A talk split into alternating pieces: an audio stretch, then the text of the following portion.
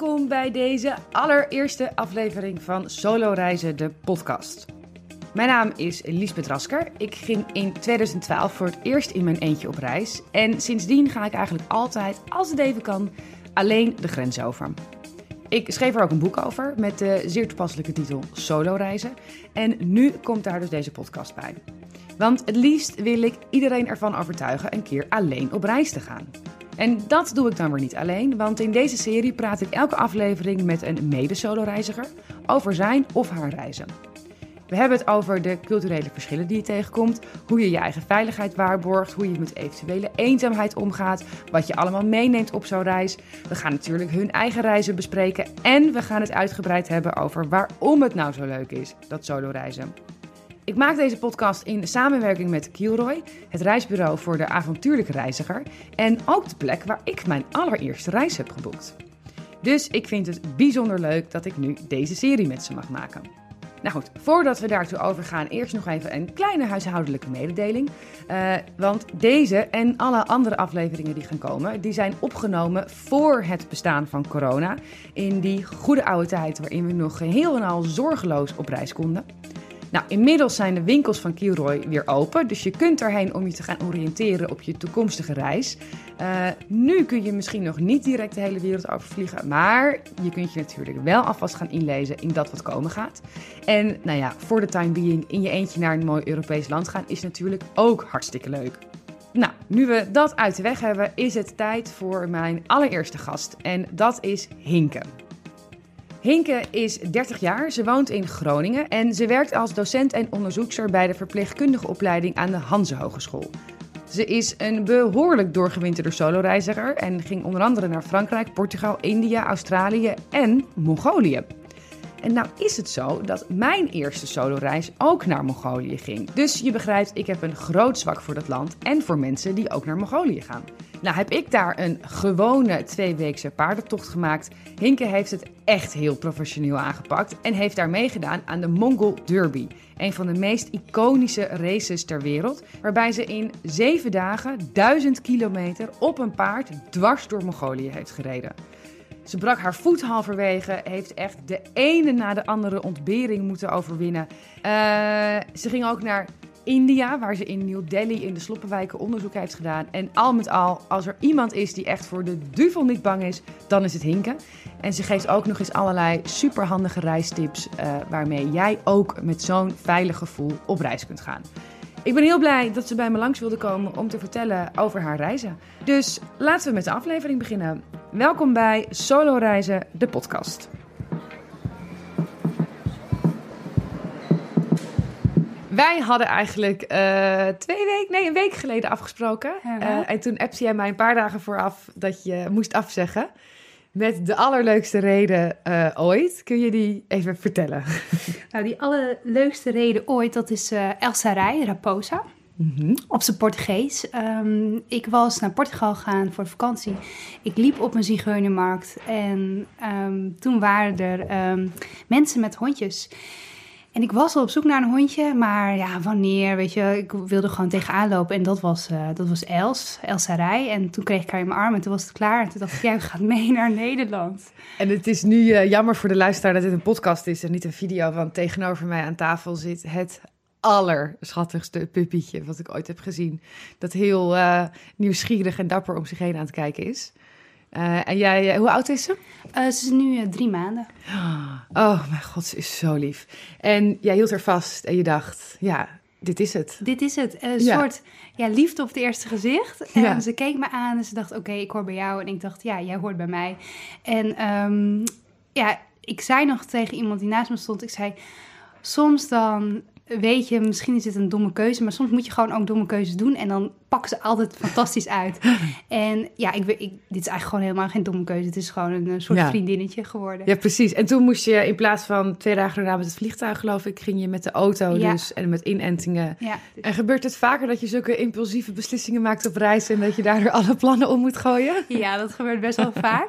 Niet dat ik meer hondjes of katten uh, heb, maar uh, wel dat ik uh, een plan heb om ergens te gaan reizen, maar dat ik toch ergens blijf, omdat ik eh, ga werken op een boerderij in Australië. Of dat ik ehm, op een hotel moest passen in India. Waar mensen vroegen, kun je even op de honden passen? En op een gegeven moment moest ik op twee honden passen. Maar het werden er zes of zo. Eh, dus het, is, het gebeurt wel vaker. En ik denk dat ik dat ook het leukst vind van reizen. Ja. Want even naar het begin. Wanneer eh, ging jij waarheen voor het eerst op reis? In je eentje? En waarom? Ehm, nou, er zijn een paar... Ik denk op mijn zeventiende voor het eerst naar Frankrijk. En daar bleef ik ook werken. En dat was de eerste keer dat ik, uh, nou echt zonder mensen, zonder uh, ouders, vriendinnen of wie dan ook uh, wegging. En dat heeft toen zo'n ja, een soort zaadje bij me geplant. Zo van, hé, hey, dit, ik kan dit. Ik, lukt mij. Ik sprak helemaal niet zo goed Frans. Ik had een acht op mijn eindexamen voor middelbare school. Maar dan kom je erachter dat het eigenlijk helemaal niks voorstelt. Nee, het is in de praktijk toch anders Het is heel anders. ja. Maar je, je red je wel. Handen, voeten, uh, leren, durven. En uh, toen dacht ik, ja, maar als ik dit kan, dan kan ik, kan ik ook wel meer. En ja. toen, uh, eigenlijk ging het heel snel ja, naar India, naar Australië. Want meteen daarna ging je naar India? Nee, dat duurde eventjes. Am Amerika, maar zocht ik daarna wel een vriendin op. Dus een tijdje alleen en een tijdje met een vriendin. Mm -hmm. En uh, India was denk ik voor langst alleen weg. Daar is ze. Jullie horen er even een klein piepje doen. Je mag er wel op tafel zetten hoor, als je wil. Of een ik rond laten toch lopen. Bij me, want wat je wil. Ze wil gewoon even snuffelen. Ja, ze, mijn, uh, mijn zegen heeft ze, maar... Ja, ik durf het nog niet helemaal. Zinnelijkheidstraining zijn we ja, bezig, maar okay. ik durf nog niet helemaal... Nou ja, disco. Mijn kat gooit hier ook wel zijn haarbal eruit. Dus wat dat betreft heeft deze vloer wat te verduren gehad. Ja, maar de tapijt en zo. Ja, nou ja, maar. kijk maar, ja. Um, het heeft toen ook een tijdje geduurd, want toen was ik ook student. Nou ja, dan heb je toch minder geld te besteden. Uh, ja. En na mijn studie ben ik eigenlijk... Uh, ja, toen waren alle remmen los. En uh, ja, nu... En toen ben je naar India gegaan? India gaan ook. En waarom koos je toen voor die bestemming? Nou, ik koos er eigenlijk zelf niet voor, maar ik was uh, bezig met een uh, masterscriptie. En uh, toen ben ik er in mijn eentje naartoe gegaan. Eigenlijk ook weer impulsief, zo van... Ja. ja, lijkt me leuk. In India nooit geweest. Wat voor studie deed je en waar ging je scriptie over? Ehm, medische sociologie. En ik onderzocht uh, de waterkwaliteit in sloppenwijken van New Delhi. Oh, wauw, oké. Okay. Dus ik ging wel echt uh, meteen... Uh, je gaat er meteen in dan? Ja, ik ga er meteen in. Ja. En toen dacht ik, ja, maar ik, ik wil eigenlijk ook wel wat zien. Hè? Ik, ik kan ja. niet alleen maar mijn... Maar heel even, hoe, hoe was het om daar, om, om, om daar het onderzoek te gaan doen? Je, ga, je gaat in je eentje naar India, dat is al best heftig. En dan ook nog eens naar New Delhi. En dan ook nog eens naar de sloppenwijken ja. van New Delhi. Ja, je... je ik stap er gewoon in. Ik, ik, het is net als in een, uh, een zwembad. Sommige mensen gaan stapje voor stapje. Ik spring er meteen in. En dat heb ja. ik toen ook gedaan. En Delhi heb ik echt in mijn hart gesloten. Want als Ja. je goed om je heen kijkt, dan wat ik eigenlijk altijd zie, is dat we meer gelijkenissen hebben dan verschillen. Ook met waar je ook bent ter wereld. Dus Ja. dat duurde eventjes. Ik denk echt wel een paar weken. En daarna dacht ik, ja, eigenlijk zijn die mensen, we zijn allemaal een beetje hetzelfde. Je wordt slimmer, dus je gaat ook eerst reageren misschien wat meer vanuit angst hè, voor het onbekende. En daarna denk je van, oh, je kijkt veel naar de lokale mensen. Van hoe doen zij het, waar Mhm. zijn zij mee bezig? En je gaat je langzamerhand aanpassen. En toen ik dat eigenlijk door had, dacht ik, oh, nou ja, India, ja, leuk, leuk Ja. land. En toen ben ik ook echt door, eh, door India gaan trekken. En hoe lang ben je er geweest in totaal? Eh, drie maanden. Wat waren de grootste aanpassingen die je moest doen om het daar leuk te maken voor jezelf, wat je net zei? Alles laten gaan. Niet te veel eh, moeilijk doen. Er kunnen mensen voordringen. Er kunnen mensen oneerlijk tegen je zijn. Ja, dat kan allemaal wel. Je kan er heel veel last van hebben als je dat allemaal gaat ja, op, ja, ja, obser nee, niet observeren. Gewoon in je, op je neemt, zeg maar. Ja. Tot je neemt. Of je zegt, nou ja, weet je, let it go. En dat, dat is dan zo'n dooddoener eigenlijk. Maar niet, niet te veel druk maken. Ehm, wat, je ook, wat ik ook heb geleerd, niet haast hebben. Als je haast hebt, zit je in een moeilijke situatie. Want Ja. dan weten mensen ook van, nou ja, daar kan ik gebruik van maken. Bijvoorbeeld, dan moet je een, een taxi nemen of wat dan ook. Of je neemt, je zoekt dingen van tevoren uit, je neemt de tijd ervoor. En dat geeft jezelf een stukje meer rust. Eh, wat heb ik nog meer geleerd? Een stukje veiligheid als vrouw alleen. Ja, want dat ben ik ook wel benieuwd naar hoe dat in India was. Ja, het, was, het is wel gevaarlijk. Ja, en het- waar, waar merk, hoe merk je dat? Nou, toen ik daar was, was het echt een tijd... Ja, Dit is trouwens hoe lang geleden? Eh, dit was 2013. Toen eh, was ten tijde dat al die, ja, die opstanden was met die vrouw die verkracht was in de bus. Ja, god, het verschrikkelijke verhaal van Ja. een vrouw die door meerdere mannen was verkracht en, En- daarna in brand was gestoken, volgens mij. Ja, in de bus eh, met, samen met haar vriend en ze is overleden daaraan. En Ja. het was een en al protest in Delhi. Ja, Wat heel goed is natuurlijk, maar het, er was ook een tegenreactie. Dus er werd alleen maar meer geweld en, eh, gebruikt en daar kwam weer actie op. Dus op dat moment was het echt een soort vat Ja. explosieve. maar hoe zit je daar dan? Ja, eigenlijk, je gaat het gesprek aan met de vrouwen. Uh, want dat is wel een tip die ik wil meegeven. Hè, van als je het spannend vindt, ga naar vrouwen, vrouwen met kinderen toe. Mhm. Uh, en kijk hoe zij dat doen. Dus hoe zij uh, zich bewegen. Ze gaan vaak ook in groepjes bij elkaar staan. Bijvoorbeeld bij de treinen. Oh ja, interessant. Dus, hè, dus je ga, Ja. beweeg je niet te veel dan bij de mannen, maar ga je meer bij de vrouwen. Vrouwenfamilies is eigenlijk altijd wel veilig. Ja. Ga je een toek-toek in of een taxi, doe net van tevoren of je even iemand belt. Zeg van, en dan vraag je even, terwijl je aan het bellen bent of nep aan het bellen bent, Ja. vraag je even hoe lang duurt het ongeveer voordat ik daar en daar ben. En dan zeg je, nou, over tien minuutjes, kwartiertje kom ik eraan. Ja. Dan weet die taxichauffeur van, hé, hey, ik heb gehoord Ja. dat uh, iemand op haar wacht. Dan zeg je, oh ja, en by the way, ik zit in het taxinummer en dan noem je het kenteken even Ja. op. En dan weet ze slim. van, ja, Ja. dit kan gewoon, dit, ik kan niet hier nu een fout maken, want ik hang meteen als, uh, als Ja. erachter komen dat zij vermist is. Oh, dat vind ik een heel goed advies inderdaad. En los van deze praktische dingen lijkt het me toch ook best intimiderend allemaal. Of kon je dat dus wel genoeg loslaten door onder andere je zo in te dekken tegen eventueel gevaar? Uh, nou, het was uh, pas achteraf merkte ik uh, dat het heel veel spanning met zich meebracht. Mm -hmm. En ik denk daarom ook voor zo'n land dat je misschien... Tuurlijk, het is heel fijn om in je eentje te reizen... maar soms ook wel fijn, want je bent eigenlijk nooit in je eentje. Je komt ook altijd wel mensen tegen. Ja. Maar bijvoorbeeld, je ontmoet dan mensen... en dan merk je dat die spanning een beetje van je afglijdt. Omdat je niet Ja. elke keer om je heen hoeft te kijken... maar dat er iemand bij is die... Ja, die Waarmee je het deelt, het ja, risico. maar ook die Ja. uh, je rug, je rug heeft, will get your back, zeg Ja, maar. precies, Die- dus ja. dat is uh, heel fijn om dan toch mensen tegen te komen die even kan opladen en daarna weer door. En die kan je tegen in hostels of in uh, restaurants of, of waar ontmoet je ze? Eigenlijk overal. Als je om je heen kijkt. Ja, ze zeggen wel eens... Um, als kind maak je vrienden en als volwassene herken je ze. En oh, wow. soms ja. zit ik in een trein of in een bus of waar dan ook. En ik, heb regelmatig gehad, dan kijk je iemand aan en denk ik... Je bent echt een goed persoon, denk ik dan. Ja. En dan denk ik, misschien moeten we maar vrienden worden. En ik weet, uh, ik wilde heel graag de Taj Mahal bijvoorbeeld bekijken. Mm -hmm. Maar Agra, de stad waar die staat, is best wel een gevaarlijke stad. En ik was een beetje klaar mee. Ik was moe, elke keer om me heen kijken. Die spanning van uh, toch wel een beetje stress. En toen zag ik een jongen zitten en ik, ik weet nog dat ik naar hem toe kwam. Ik pakte zijn hand en ik zei, wij zijn nu getrouwd. En jij gaat met me mee de Taj Mahal bekijken. Ah. Nou, en we zijn nog steeds beste vrienden. Hij woont in Canada. Maar op dat moment denk je van... oké, okay, je bent een goed persoon. We gaan samen die Taj Mahal bekijken. En dat is één dag. En uh, ik heb hem een paar jaar geleden opgezocht in Canada. En hij zei nog steeds... daar is mijn kleine zusje met wie ik eigenlijk getrouwd ben. Maar dan moet je ook wel een goed inschattingsvermogen hebben in, in anderen. Had je dat altijd al? Of is dat iets wat je leert van in je eentje reizen?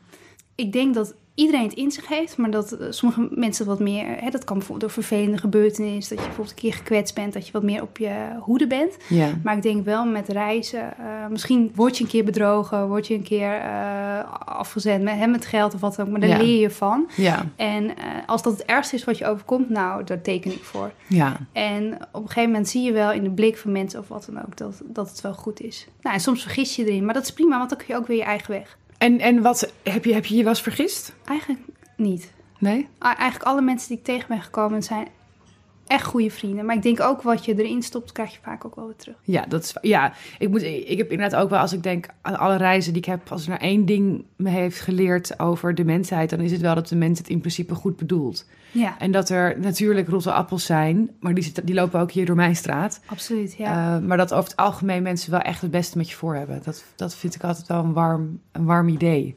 ik moet dan meteen denken aan het boek De meeste mensen deugen wel, van Rutger Bregman. Ja. Hè, waar hij dat ook heel Ja. mooi beschrijft. En uh, wat ik zo net ook al zei, hè, van kijk niet naar de verschillen, maar kijk meer naar de overeenkomsten. En Ja. ook al ben je totaal andere kant van de wereld, heb je vrouw een spiegel of doe je het haar, weet je, er zijn zoveel uh, gelijkenissen waar vrouwen dan weer uh, Ja. bij elkaar komen of uh, gewoon mensen op zichzelf. Dat En waar je weer even contact in kunt Ja, leggen natuurlijk. Ja, absoluut. Ja. Ik wijk helemaal van mijn, van mijn vragenlijstje af, maar nu we toch in India zitten, ben ik ook benieuwd. Hoe ga je ermee om om te reizen door het land met zulke schrijnende armoede? Ik bereid me altijd goed voor. Dus ik, ja, ik ben ook socioloog, dus ik vind het ook Ja. heel interessant. Maar ik, uh, ik vraag gewoon lokale mensen. Ik, ik lees daarvoor uh, wat kan ik het beste doen. Uh, is, dat gaat bijvoorbeeld om geld geven, wel Mhm. of niet. Ik noem het al de white tax. Als je bijvoorbeeld met een, een taxi of tuk-tuk gaat, hè, ze doen altijd wat bovenop de prijs. Is dat goed? ja, de white tax, ja. Ja. ja. ja. Of ga jij eh, toch afdingen?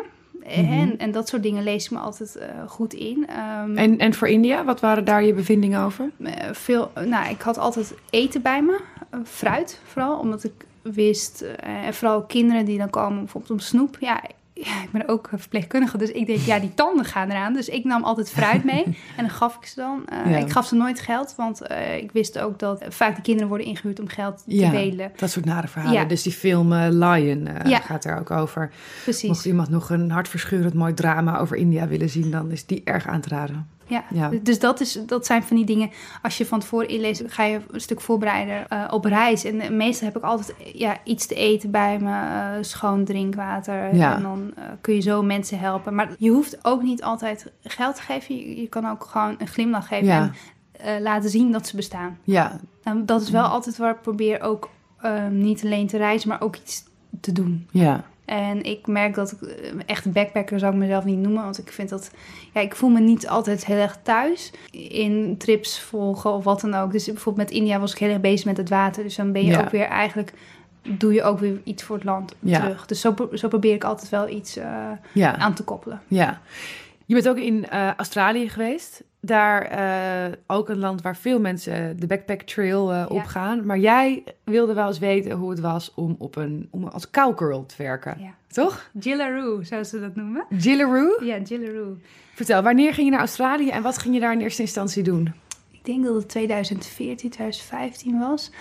Eh, zoals ik al zei, na mijn studie ging ik los. Ja. En ehm, eerst eh, was ik, ik wist gewoon niet wat ik wilde. Eh, ga ik werken in Nederland? En wat wilde ik dan precies gaan doen? En ik had een paar ja, mogelijkheden voor werk. Maar ik dacht, ja, ik weet niet wat nou precies mijn droombaan is. ja. Dus ik ging naar, eerst naar Zuid-Afrika en daarna naar Australië. Ik dacht, nou, misschien kan ik wel eh, daar gaan werken, bijvoorbeeld als verpleegkundige. Het leek me wel leuk om in de Outback. eh, flying doctors was eigenlijk mijn droom. Dat zijn eh, ja, mensen, medici die eigenlijk werken met een vliegtuig of helikopter in de Outback van Australië. Omdat eh, daar heel weinig medische hulp is. Ah, dus die gaan per vliegtuig gaan Ja. ze van de ene patiënt naar de andere Ja, patiënt. een Oh, soort wauw. ambulance personeel, maar dan in het vliegtuig. Leek me echt fantastisch. Ja, dat klinkt inderdaad wel heel cool. En, eh, maar goed, het is heel lastig om daar aan het werk te gaan als, eh, als gewoon verpleegkundige of wat dan ook. Je moet heel veel testen doen en zo. Dus ik heb wel even in, gewerkt in de zorg, maar daarna vrij vlot. Toen dacht ik, nou, weet je, horeca vind ik ook altijd leuk. En ik dacht, voordat ik terug ga naar een volwassen baan, ga ik alle baantjes nog doen waarvan ik Ja. denk... Nou, ik ga net zo lang werken tot ik er helemaal klaar mee ben. En dan wil ik misschien wel een volwassen baan. dus heb ik in de horeca gewerkt in Melbourne. Vond ik een ontzettend leuke stad ook. Een beetje rondgereisd. En toen... Dat was je eerste bestemming van de Ja. Sydney, eh, Melbourne. En eh, toen dacht ik, ja, maar ik ben die stad. Ik ben, helemaal, ik ben heel gek op woestijnen. Dus ik wilde heel graag naar de Outback. En toen ben ik naar Uluru gegaan. hè, Dus die Ayers Rock. Ja, En heb ik eh, rondgetrokken met aboriginals. Want ik wil weten hoe zij daar leven. En ik wil gewoon meer leren over... eh, ze hebben zoveel kennis over natuur. Ze weten precies, oh, dat vogeltje is daar. Dus binnen 50 meter rondom het vogeltje moet water zijn. oh ja, wauw. En eh, ze vertelden dan over songlines. Dus ze hebben geen Google Maps, maar ze zingen liedjes. Mhm. En na, nou, bijvoorbeeld na 50 coupletten weten ze dan bijvoorbeeld dat ze naar rechts moeten. En zo weten ze dus hun, Oh, hun reis door de woestijn. eh, en kunnen Ja. ze overleven. Nou, en alle planten en zo. En toen dacht ik, ja, ik wil ook de andere kant van Australië zien. Dat is natuurlijk eh, meer de, ja, het landbouwgebied. Mhm. En Toen ben ik eh, gaan werken als, als cowgirl. En dan had ik, nou, er 800 koeien, paarden, honden. Maar hoe kwam je bij die boerderij terecht? Ja, ik had gewoon, je hebt zo'n site en dat heet HelpX. Dus gewoon help en dan een X erachter. En dat is een soort eh woofing, maar dan Ja. wat meer gericht volgens mij op landbouw. Of, nou, ik, volgens mij is het bijna hetzelfde. Maar goed, Ja. ik had me aangemeld en dan kun je gewoon een beetje kijken wat lijkt je leuk. En één boerderij sprong me uit. Die man was zo goed met paarden. Ik dacht, nou, daar kan ik ook wel meer van leren. Een soort horse whisper. Dus ik heb me gewoon geschreven. En Ik geen idee wie die mensen waren. Ze hebben me opgehaald van ergens een verlaten station. Ik weet nog dat het avond werd. En toen ik dacht, oh god, ik kan hier ook niet meer weg. En toen, ehm, ja, toen heb ik daar, ik denk, eh, twee maanden of zo gewerkt. En die mensen die waren helemaal aardig, die haalden je op, die Ja. reden je naar die boerderij. En toen, en wat dacht je toen je daar aankwam? Ik dacht, wat gaan we nu beleven? Het was echt ehm, in middle of nowhere. En ik weet nog dat ze zeiden van ja, voordat je naar de wc gaat, doe even wc-bril omhoog. Want er kunnen wel slangen en zo onder zitten. en toen dacht ik, waar ben ik beland? Ja. En, ehm, en ze hadden allemaal ja, geweren en pistolen en Ja. zo. Weet je, ook voor tegen wilde dieren. En toen zei ik, ja, mag ik dat ook leren? Zei ik zo, want ik, ik dacht, ik moet, ik wil alles leren wat, wat ik hier kan leren. Ja. Dus uh, trektocht gedaan met paard om koeien te verwijden. De honden had ik bij me. Maar ik had bijvoorbeeld ook een, uh, ja, met een pistool leren schieten. ja. Ik vraag niet hoe en wat, maar ik kon het. En ik, maar bijvoorbeeld in de lucht ook bijvoorbeeld om de koeien tegen te houden. Dat soort dingen. Wauw. dingo's, wilde slangen in huis. Het was echt allemaal... eh, één- dat is echt één groot avontuur. En je hebt ook, ik zie het nu voor me, dat er dus inderdaad een soort totaal rare verlaten vlakte is. Met dan één zo'n grote boerderij in het midden. En dan 800 koeien. En jij die dan op een paard daaromheen Ja. rijdt om die koeien op de plek te krijgen. Ja, het was net als dan een beetje serie. Ja, precies. Ja. En was het moeilijk om dan weer in, in Nederland te wonen? Waar het hele land waarschijnlijk net zo groot was als het oppervlakte van die, van die boerderij ongeveer. Eh, nou, aan de ene kant wel dat, dat je hè, een stukje vrijheid, maar aan de andere kant, ja, ik vind het ook wel lekker om weer structuur te hebben. Ik waardeer Nederland namelijk heel erg als ik weer Ja. terug ben. En ik heb het ook nodig om mezelf weer even ja, op te laden. En Australië vind ik heel mooi qua natuur, maar ik vind de mensen, nou, waar niet dus helemaal mijn mensen, waar echt een beetje no worries cultuur. Ja. En ik ben meer iemand van ja, een beetje doorpakken, een beetje actie. En, ja. eh, dus ik had ook wel weer zin om aan de slag te gaan. Ja. En dan over jouw eh, andere reis. Een reis waar ik zeer, zeer jaloers op ben dat je die ooit hebt gemaakt. Want jij hebt namelijk de Mongol Derby gedaan en uitgereden. Wil je even vertellen wat het is? Ja, Mongol Derby, ja, heel kort, is eigenlijk duizend kilometer op een paard, dwars door Mongolië. Ja. En je hebt tien dagen de tijd om die tocht te volbrengen. En ehm, wat heel goed is aan die race is dat zij eh, om de nou, 30 kilometer krijg je ongeveer een nieuw paard. Dus die paarden Ja. worden gewisseld. Dus eh, je mag ze ook niet helemaal moe rijden, want de dierenarts controleert ze. En als je goedkeuring hebt van de dierenarts, dan krijg je een nieuw paard mee. Ja. Dus eigenlijk om de 30 kilometer kun jij weer een ja, best wel een wild paard tegen. Ja. Ja, en dat heb jij ook zeker. Die heb jij ook een paar keer gekregen. Maar dus inderdaad, je gaat een tocht maken van duizend kilometer. En dat is de oude route die Genghis Khan deed? Of wat was het? Ja, Genghis Khan had vroeger een soort postsysteem dat hij heel snel van de ene plek naar de andere kant Ja. kon. En eh, dat is eigenlijk weer heropgezet. Maar er zijn verschillende routes, dus je weet nooit welke route je krijgt. Je krijgt GPS en succes Ja. ermee. En het idee was vroeger van dat hij inderdaad dan verschillende mensen had die van de ene post naar de andere post reden met de boodschap. Ja. En zo konden ze communiceren. Ja. En die is nu sinds een paar jaar, nou sinds een paar jaar volgens mij, is, Tien jaar. tien jaar ja, Ja. is die race weer opnieuw geopend. En kunnen mensen vanuit de hele wereld toch zich ervoor aanmelden. Eh, en het is een, eh, een gruesome race, eh, las ik veel online. Want ik ben ook in Mongolië geweest en ik weet inderdaad dat je, het is van alle gemakken ontdaan. Er is gewoon niets. Het is één grote brute open vlakte. En in welk jaargetijde was dit? In welke maand? Dat was augustus. Oh ja, augustus. Nou, dan is het ook echt best wel heftig weer ook al meteen, Ja. toch? Veel regen, veel kou, hagel, wind. Hagel, maar ook heel Ja. erg heet. Dus ja, overdag heel heet. En ja, dus het is echt, echt heel erg intens. En je hebt tien dagen over gedaan dus? Zeven. dagen over gedaan. Dus je komt eraan in Ulaanbaatar, de hoofdstad. En je gaat dan naar de startplek. En de paarden die je, waar je op rijdt, die zijn niet van jou. Je weet ook niet van tevoren welke het zijn. Nee. En nou, eerst weten, wat, je mag vijf kilo meenemen hè, Ja. als ruiter. Wat had je mee? Nou, daar heb ik heel lang over nagedacht. Want eh, mijn vriend is arts, dus die wilde vijf kilo medicatie meegeven.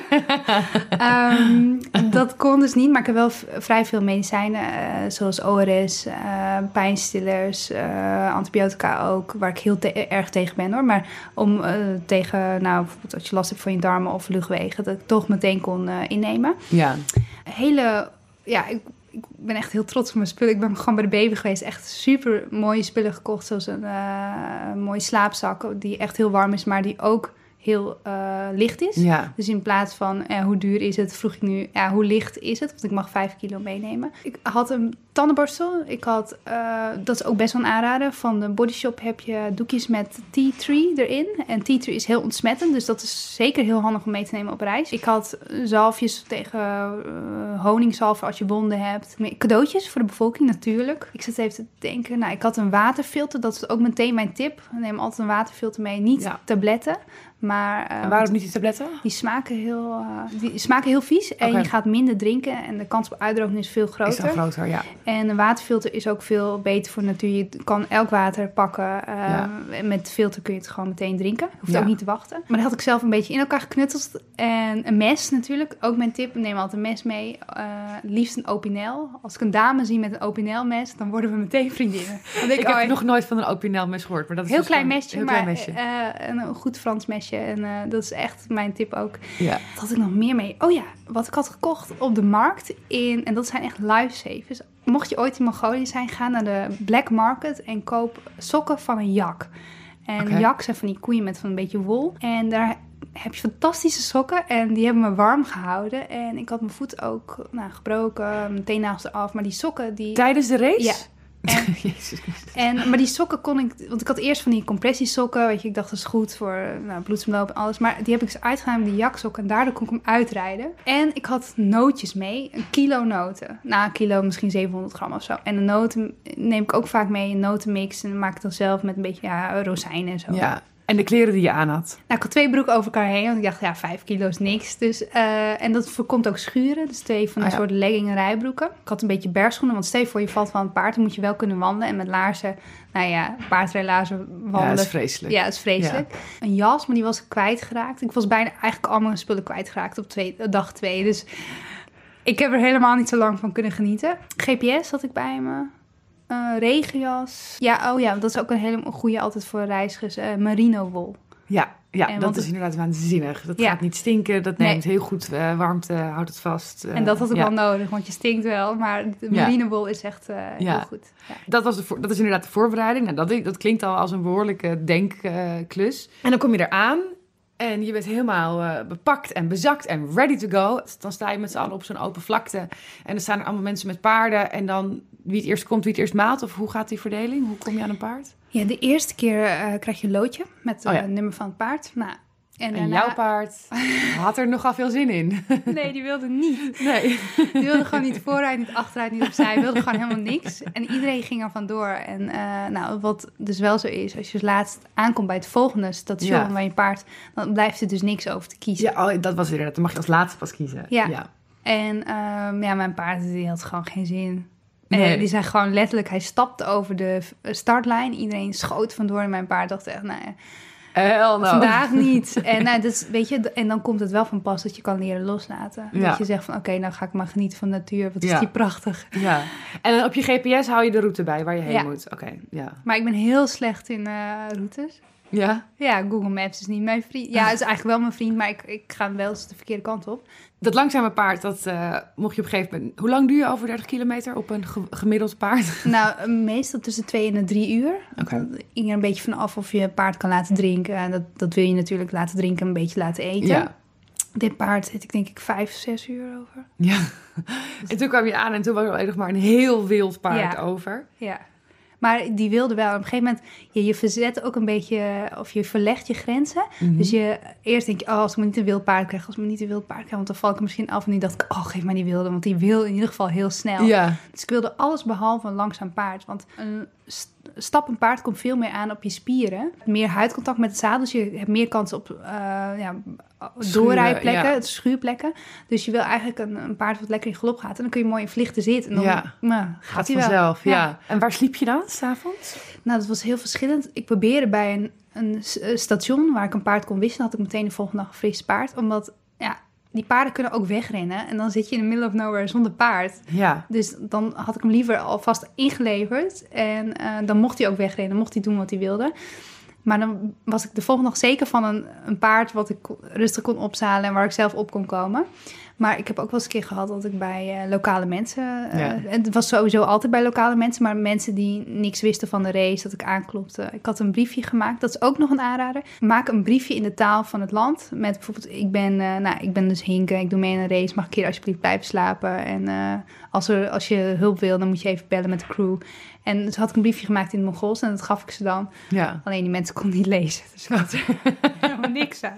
Maar die moeten toch best verbaasd hebben staan kijken... dat zij opeens een klop klop op de deur... en dat daar opeens een blonde dame voor de deur stond. Ja, dat is, was wel, eh, wel eh, ook heel mooi eigenlijk. Want ze keken inderdaad wel heel, heel verbaasd, maar ook heel nieuwsgierig. En Ja.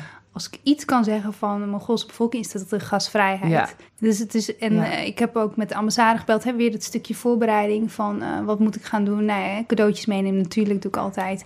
Maar ook eh, zingen ze een liedje in het Mongols. Nou ja, dat kom ik nog niet zo ver, maar ze houden heel veel van zingen. Die ehm, mensen die ik kennen vertelden me ook van ja, de gasvrijheid is zo groot, omdat als ze je buiten laten staan, is de kans best wel groot dat je niet overleeft, omdat de nachten heel koud zijn. Ja, dat vond ik echt... Ik denk dat het mooiste aan dat land... dat het zo warm en hartelijk is.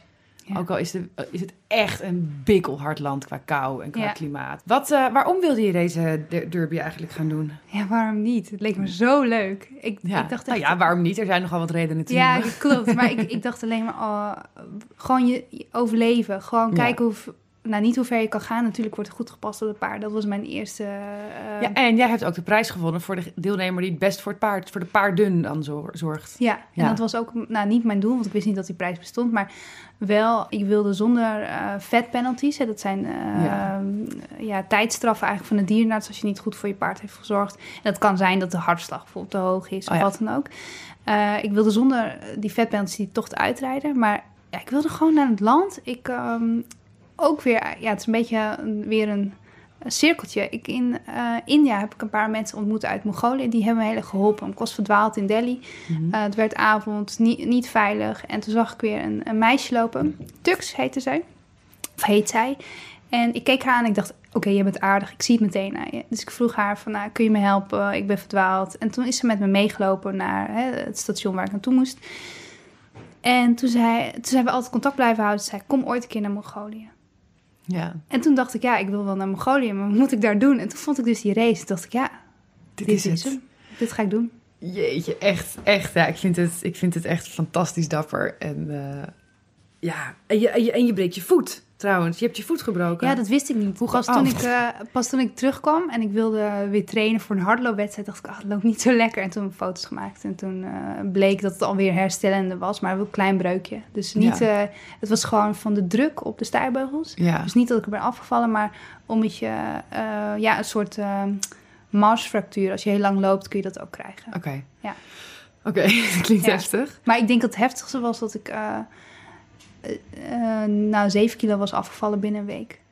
Ja, want ik wilde ik vragen, wat, wat voor fysieke effecten had deze race op je? Nou, ik dacht eerst, het gaat best wel goed, maar ik kon eigenlijk niet eten, want ik moest de hele tijd overgeven, omdat het eten is best wel vet. Het is veel schaap eh, en dat is... Alleen maar dierlijke producten. Ja, en weinig groenten. Ja. Dus, ehm, Groeit daar namelijk niets. Nee, dus je, je moet gewoon eten wat de bevolking ook eh, eet.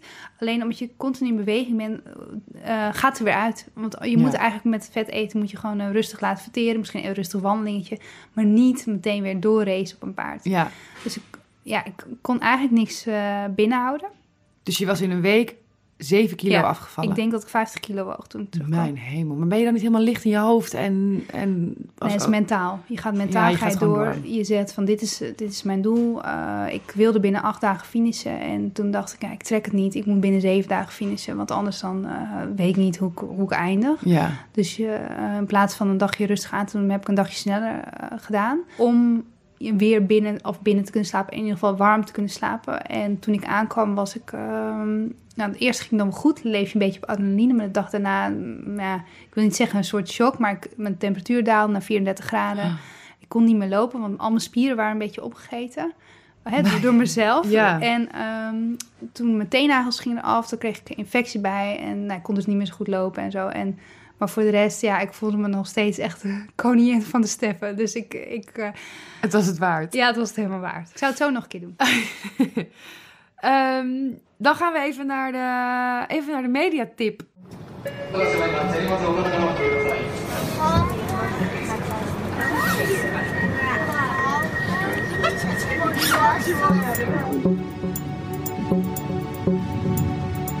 Want eh, ik doe elke week een, een leuke podcast tip of een serie.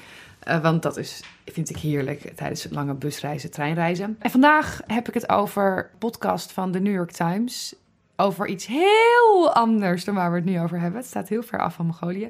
Hij heet Modern Love. En het zijn verhalen verteld door acteurs als Kate Winslet, Jake Gyllenhaal en Uma Thurman. En die verhalen worden geschreven door, door, door essayisten, door, door schrijvers, maar ook door gewone mensen die een verhaal schrijven over de liefde, verdriet, familie, verlies. Het is een ontzettende rijke, bonte verzameling van hele mooie verhalen die heel erg laten zien waar de mens over gaat. En die gaat over liefde in elke vorm dan ook. En de verhalen worden dus voorgelezen door, door, door mensen die dat heel goed kunnen. Ik denk dat er inmiddels wel iets van 100 verhalen te luisteren zijn. Dus als je een lange busreis hebt of een lange treinreis, dan kun je echt wel even vooruit. En voor wie de video's bij wil hebben, Prime Video van Amazon heeft er een serie van gemaakt van zeven afleveringen. En die zijn ook echt geweldig. En het zijn meestal verhalen waarvan je helemaal zin hebt in de liefde en eh, zin hebt om in de regen te zoenen. Of om als laatste over te blijven in een restaurant. Of om je familie te bellen en te zeggen dat je van ze houdt. Het is heel, heel ontroerend. En die podcastverhalen zijn heel, eh, ja, heel warm en liefdevol. Dus dat kan ik erg aanraden. Oké, dan gaan we het nu even hebben over de wat meer, in eerste instantie over de wat meer praktische kant van jouw reizen. Uh, jij bereidt je goed voor Ja. voor reizen. Hoe ziet de voorbereiding gemiddeld eruit? Je belt met de ambassade, zei je al eventjes. Nou, als ik ehm, voor zo- zo'n reis Mongolië sowieso. En als ik denk, nou, ik weet het niet helemaal zeker. Maar het- dat is ook meer wat achtergrondinformatie. Ehm, doe ik niet bij elk land, maar ik kijk wel eventjes naar wat vind ik leuk. Maar ik maak ook eigenlijk zelf een route. Dat ik denk, oké, wil ik alle hotspots bekijken? Of zeg ik, nou, dit lijkt me eigenlijk wel leuk. Ik ben bijvoorbeeld gek op dieren, maar ook op geschiedenis. Dus eh, dan zoek ik altijd naar, naar een plek waarvan ik denk van... oh, dit wil ik gewoon zelf graag zien. Dus niet wat, wat wordt aangeraden, maar wat wil ik zelf ook gaan zien. Dan kijk ik ook of het goed bereikbaar is. Eh, wat, moet ik daar, wat heb ik daarvoor nodig? Vliegtickets, ja, ik boek altijd... als ik alleen ga, zorg ik ervoor dat ik overdag aankom. Dus niet s'avonds, want Mhm, ja, het is ja. gewoon een stukje veiligheid. Kijk goed naar wat voor weer kan het worden. Dus hoeveel spullen moet ik meenemen. Dus een beetje gewoon, ik denk wat iedereen wel een beetje doet. Ik lees hem altijd even in over wat achtergrond. Dus ook over de bevolking. Zijn er dingen die ik moet weten. Maar vind ik ook gewoon leuk om, om te kijken van... ehm, ja, wat is er gebeurd in de geschiedenis? Zijn er dingen die ik moet weten? Of Ja. zijn er dingen die ik, nou... Ja, waar ik gewoon zelf heel veel interesse Ja. in heb.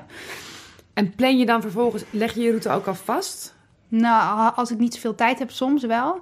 Maar meestal laat ik het een beetje op zijn beloop. Ja, zoals met, net met het hondje, je weet het nooit. Ik heb altijd sterk voorkeur om de eerste nacht of eerste twee nachten even goed een goede plek uit te zoeken. Een Eh, lekker bed bedoel je? Ja, een lekker bed en de laatste ook. En wat jij altijd doet, dat doe ik ook altijd. Het afsluithotel. Ja, Ja, ja. Oh, dat moeten jullie allemaal doen. Dat is inderdaad de, nou, de regel bijna bij mij in ieder geval. Dat je de laatste nacht van je reis jezelf trakteert op een lekker bed in een goed hotel of een, of een goede guesthouse. Dat kan ook. Maar dat je echt even goed slaapt. Want waarschijnlijk heb je weken, maanden op brakke bedden gelegen. En dan ben je weer even opgeladen voor de terugreis. Als een cadeau voor jezelf gewoon.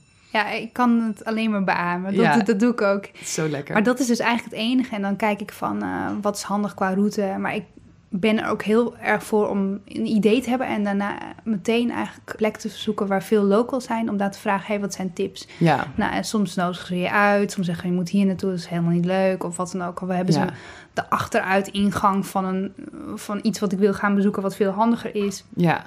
Dus dat doe ik eigenlijk. eh, En wat je zegt, soms nodigen ze je uit. Wat, hoe, ga je, hoe, hoe, hoe ga je daarmee om met die uitnodigingen? Hoe schat je in of dat inderdaad een goed idee is... of dat het een verkapte manier is tot Nou, ja. nare dingen? Ja, dat is wel. eh, nou, dat moet ik eigenlijk illustreren met één verhaal. Ik werd gevraagd om in een Bollywood film te spelen. Ik toen je in India was. Ja. En toen dacht ik, ja, aan de ene kant ben ik zo nieuwsgierig, maar aan de andere kant, ja, al die enge verhalen. En toen zei ik, ja, ik wil alleen als nog iemand meegaat. ja. En eh, toen kwam er een meisje, dat is ook nog steeds een vriendin van mij, uit Nieuw-Zeeland. En die zei, ja, die was dronken, die had toegezegd. en eh, die zei, ja, ik ga ook. Ik zei, nou, dan gaan we in ieder geval samen dood als het misgaat. Ja, samen ten onder. Maar dat was bijvoorbeeld dus ook wel heel erg leuk. Maar eh, ik kijk altijd van, zijn er meerdere mensen? Kijk, als een vrouw je uitnodigt, dan is het bijna altijd wel goed. Maar een man alleen, dan, dan maak ik vaak grapje en dan ga ik de andere kant op. Maar ja. het, is, je, ja, het is gewoon inschatten. En ik vind het lastig om te vertellen zo via, ja, zonder beeld erbij. Want het gaat gewoon om... Hoe ziet om iemand- gevoel ook. Ja, het gaat echt Ja. om het gevoel. ja, en dat gevoel dat ontwikkel je natuurlijk ook naarmate je vaker alleen op reis gaat, denk ik. Dat je steeds Ja. sterker een, een beeld krijgt bij, oh, dit is goed en dit is niet goed. Nou, ik mis het altijd als ik samen met iemand op reis ga. En dat is niet omdat ik diegene dan niet mag. Want samen op rei- reis gaan is ook heel erg leuk. Maar als ik denk, dit voelt niet vertrouwd, wil ik meteen weg. Ja. En dan moet ik niet iemand anders nog moeten uitleggen van... ja, dit voelt niet veilig. Of hè, dan moet ik mijn gevoel uitleggen. Dus in dat opzicht ben ik in mijn eentje... ja, voel ik me veel eh, vrijer daarin ook. ja, snap ik. Is er iets dat er altijd in je backpack zit? Een mes. Ja. Een mes, opinel dus, voor de Ja. luisteraars. En ehm, eh, wat ik echt kan aanraden, ook heel goed voor het milieu... is gewoon een eh, waterfles met filter. Dus Ja. hoef je niet flessen te kopen met water... want ik vind het gewoon altijd zonde van plastic. En vooral- Ja, en het is, ik vind, dat vind ik ook, maar ik vind het vaak heel moeilijk om dat niet te doen. Omdat je inderdaad gewoon zo weinig plekken hebt waar je, waar je watertanks hebt, waar je kunt, eh watertje uit kunt tappen. Ja. Dus dan is een waterfilter inderdaad natuurlijk heel slim. Ja, kun je gewoon Ja. overal, eh, ook uit rivieren, waar dan ook, eh, kun je water halen. Ik doe vaak ook een, als het gevaarlijk is, ik gebruik het bijna nooit, maar voor mensen die het kan wel een gevoel geven van veiligheid, is ook een tip om een voetbalfluitje om je hals te hebben. Dus als je het Oh. spannend vindt om in een straat te lopen waar het, nou, of straat, een gebied te lopen waar het spannend is, Ja. op zo'n fluitje en zo'n hele schelle het liefst. Oh, wat grappig. Dat heb ik nog nooit gehoord. Maar ik kan me echt voorstellen dat dat inderdaad best wel slim kan zijn in sommige plekken. Ja, en gewoon een stukje veiligheid voor jezelf. Ja, het voelt gewoon fijn. Ja, En ik zit na te denken, nou, ik heb vaak een BH-zakje met waar ik wat geld in stop. Maar dat is denk ik wel bij de HEMA voor een paar Ja. euro. Dat vind ik altijd zelf wel handig, maar ook voor als je op stap gaat of iets anders Ja. leuks. Dan hoef je, ik neem zo weinig mogelijk spullen eigenlijk mee. Ja. Eh, want hoe meer spullen, hoe meer je ook eh, uithangbord bent voor een overval. Ja, ik ben ook wel eens een eekhoorn dat ik wat spullen verstop in de hotelkamer. Een slotje neem ik ook altijd mee hè, om, om eh, dingen op slot te doen. En voor de rest, nou, cadeautjes eigenlijk altijd eh, iets Ja. kleins meenemen. En wat voor cadeautje neem je dan mee? Nou, ehm, als ik naar landen, bijvoorbeeld naar Mongolië, was ik naar de Douglas gegaan en had ik gezegd, oh, die mensen daar hebben geen parfum. Ik vond ze zo verschrikkelijk, dus ik kreeg allemaal monsters mee. Nou, en dat, die, die mensen, blij mee. ja, ze heel blij Ja, mee. een parfum. Maar ja, ik kon niet vijf kilo aan parfum meenemen, maar Nee. die monsters wegen niks. Maar, en als, het, als ik wat meer ruimte heb, bijvoorbeeld stroopwafels of zo. Ja. Dat vinden mensen, drop vinden ze niet lekker, maar stroopwafels is bijna altijd wel een goed idee. Ik wilde vragen, hoe ga je om met de situatie waarin alles misdreigt te gaan? Maar ik denk dat ik dan het antwoord weet. Dat is dus ook loslaten. loslaten. ehm, maar ook je emoties mogen er zijn. Dus je mag verdrietig zijn, je mag boos zijn, je mag pijn voelen. Maar zet die knop om en zeg dan van, ja, wat, wat geeft het mij? Want eh, het kost je heel veel energie om, om die emoties te voelen. En, maar als je ze onderdrukt, kost je ook heel veel energie. Dus Ja. laat ze even toe en zeg dan, oké, wat levert het mij op? En ga dan weer terug naar je, je rationele Ja. gedrag. Om een oplossing te vinden. Ja, om een oplossing. Ben je wel eens eenzaam tijdens een solo-reis? Ja, tuurlijk. Je bent altijd wel eens eenzaam. Eh, maar ik denk ook dat het goed is, omdat dat hoort erbij. Ook Ja. om je eenzaam. Ik denk dat het heel goed is voor mensen om je een keer eenzaam te voelen. Ja. En om je dan ook kun je kiezen, hè, trek ik me terug, wat ik soms ook heel fijn vind. En ik denk dat het mag zijn. Of je, als je iemand kan bellen, is het ook prima. Ik denk dat het allerdomste is wat je kan doen, is om dat niet te accepteren en te zeggen, oh, ik mag niet eenzaam zijn. ja. Om, om dat gevoel inderdaad te onderdrukken en Ja. het niet even wat lucht te geven. Ja. En jij bent iemand die dan zich inderdaad even terugtrekt? Of wat, hoe, hoe ga jij ermee om als je, als je dat ervaart? Nou, in India heb ik toen, eh, toen kon je niet zo goed bellen, eh, heb ik een mail gestuurd zo van het gaat op dit moment niet zo goed met me. Eh, maar doordat ik het nu mail, gaat het wel een stukje beter. En Ja. toen kreeg ik een belletje ook van mensen en die wilden weten hoe het met me ging. En toen luchtte dat eigenlijk zo op door het gewoon toe te Ja. geven van ik mag eenzaam zijn. Maak van je hart geen moordkuil. Ja, Ja, en zeg het gewoon, want niemand is nooit eenzaam. nee. Nee, het is een heel universeel gevoel en Ja. het kan er gewoon zijn. Ja. Wat vind jij zo leuk aan solo-reizen? Wat brengt het jou? Nou, ik denk altijd dat ik veel meer kan dan dat ik op dit moment doe. In Nederland heb ik een beetje een makkelijk leven. Ja, alles staat eigenlijk voor je klaar. Het is Ja. geen gevaar. En als ik in een De ander land ben... rijden op tijd, gewoon water uit de kraan. Ja. ja. Eigenlijk is het gewoon best wel een makkelijk leven. En als ik alleen ben, en dat geldt voor alles. Hè. Ik eh, geef les op hogeschool, dus ik zeg ook altijd tegen mijn studenten... ga ze uit die comfortzone, hè, dat makkelijk, want daar leer je meer van. En dan word je gewoon echt, dan weet je wie je bent. Dan kun je op jezelf vertrouwen. En ik denk dat elke keer als ik aan het reizen ben, dan komt dat weer naar voren. Zo van, oké, dit wordt even spannend, maar ik ga het doen. Ik ben voor Ja. mezelf, nou toch, een- ik denk eerder wat introvert dan extrovert. En ik moet dan wel. ja. En ik krijg dan zoveel kracht van dat ik als ik terugkom denk, oh nou ja, wat kan mij het ook schelen. Ik kan Ja. de hele wereld aan. Dus je neemt die dingen ook heel erg mee naar huis. Ja, ik Ja. denk dat dat, dat, dat dat sowieso iets met je doet. Ja, ja, nee, dat denk ik ook, absoluut. Als je op een gegeven moment ga je ook denken, nou, als ik in mijn eentje dit heb gedaan, dan kan ik nu ook wel alleen naar die verjaardag waar ik eigenlijk geen Ja. zin in heb of zo. Of die hele Of, kleine eh, dingen. Ik moet vaak presentaties geven op congres. Nou, dat vind ik super spannend. Maar dan denk ik, ja, ik heb de. Mongol Derby uitgereden. Dus waarom, zou, waarom moet ik me hier nu druk om maken? Ja. Ja, want je wordt gewoon een stukje relaxter. Ben je ook zelfverzekerder geworden van het alleen reizen? Ja, aan de ene kant wel, maar ik, mensen, tenminste, ik blijf altijd wel iets in onzekers in me hebben. Ja. Maar ik denk wel dat ik qua. ehm, ja, ik kom ook wel er weer uit. Dus als er iets gebeurt, nou ik weet het komt ook altijd wel goed. Ja. Ehm, je hebt een relatie, toch? Ja. ja. En ga je tijdens de relatie ook wel eens alleen op reis? Eh, nu ben ik in eh, Portugal geweest, ben in Australië geweest. Dus ja, dus ja. Ja. En, Want ik, krijg- ik krijg best wel vaak de vraag van, eh, van mensen van... ik wil ook heel graag alleen op reis, maar ik heb een relatie. En hoe moet dat dan? Dan denk ik, dat, ja, maar dan ga je toch gewoon alsnog. ja, Maar heb jij daar misschien nog een antwoord op? zorg dat hij ook alleen op vakantie gaat. Ja, zodat hij het begrijpt. Ja, of, of hij, eh, ja, dat hij ook wat leuks doet. Of- Ik vind het heel gezond in een relatie als, als mannen mannen dingen kunnen doen en vrouwen gewoon ook hun eigen dingen kunnen doen. Dus stuur hem op vakantie met vrienden of laat hem iets anders doen. eh, misschien met werk. Of het, weet je, je hoeft ook niet meteen drie maanden weg. Het kan ook een weekend weg. Ja, Dus ik denk, als het niet kan... Nou, ja, ik wil niet zeggen, moet je op zoek naar iemand anders. Maar geef elkaar de ruimte. ja. We gaan even naar de tip van mijn uh, vrienden van uh, Kilroy.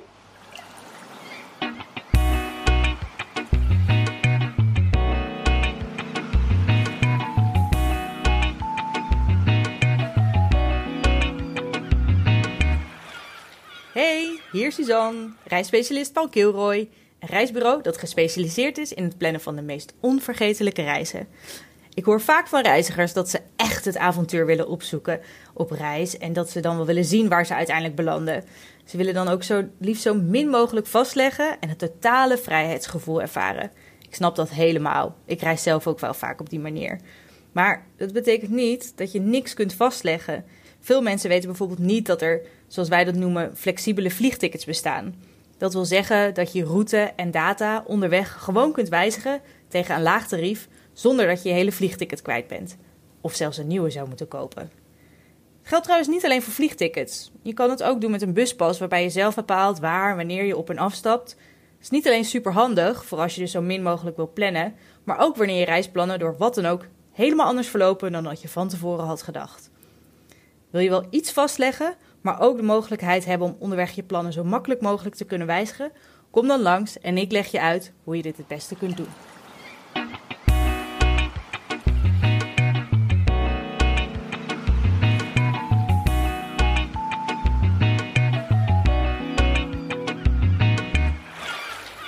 Nou, is ook een beetje wat, uh, is ook een beetje wat wij al zeiden. Hè? Niet alles vastleggen Ja. in grote lijnen. Ik zag je al ja knikken tijdens het. tijdens Flexibele het tickets, stukje. weet ik alles van. ja. Eh, we, zijn, eh, we zijn er bijna doorheen.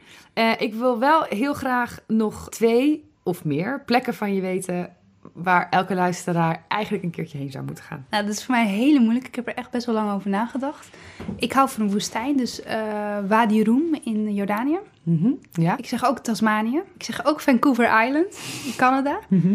Ja, en Mongolië heeft natuurlijk ook mijn hart. Ja. Dus ik denk dat dit ze in ieder geval zijn. Maar er zijn heel veel meer. Maar eh, ja, en de woestijn in Australië is ook fantastisch. Woestijnen trekken me altijd. Maar dat is Grappig, ja. ja, heel erg eh, verschillend natuurlijk voor, voor iedereen. Maar als je kans hebt om naar Wadi Rum te gaan... Ja. of sowieso naar Jordanië met Petra en de Dode Zee en alles... ga daar naartoe. Ja, En, en hoe gaat dat dan nu, eh, nu jij een hondenmoeder bent? Ehm, ja dat gaan we nog eventjes over nadenken. nog even regelen. Ja. Eh, ik stel iedereen de laatste vraag, of altijd, ik stel iedereen dezelfde laatste vraag. En dat is: waarom zou iedereen een keer alleen op reis moeten gaan? Iedereen zou eh, alleen op reis moeten gaan, omdat ja, je eigenlijk jezelf leert kennen. En eh, ik gun het gewoon iedereen dat je eigenlijk zelf problemen kan oplossen. En dat het misschien eigenlijk helemaal geen probleem meer lijkt, maar dat je meer bewust bent van jezelf en van de kracht die je bezit Ja. om om te gaan met situaties waarvan je in eerste instantie dacht, liever niet. En wat zou je zeggen tegen mensen die dit allemaal horen en denken: ja, oké, maar ik twijfel nog? Kijk goed naar wat bij je past. Hè. We hebben het nu gehad over best wel avontuurlijke reis. Maar het kan ook zijn, wat mij altijd heel erg helpt, is dat ik iets bedenk waarvan ik zelf denk, oh, dit wil ik zo graag. En het kan iets heel kleins zijn. Het kan een mooie tentoonstelling zijn in een andere stad. Ehm, het kan een concert zijn waar je heel graag naartoe wil. Eh, begin daar eens mee. Dat je Ja. kleine stapjes gaat doen, maar iets wat je heel graag wil. En dan wordt het makkelijker. Ja.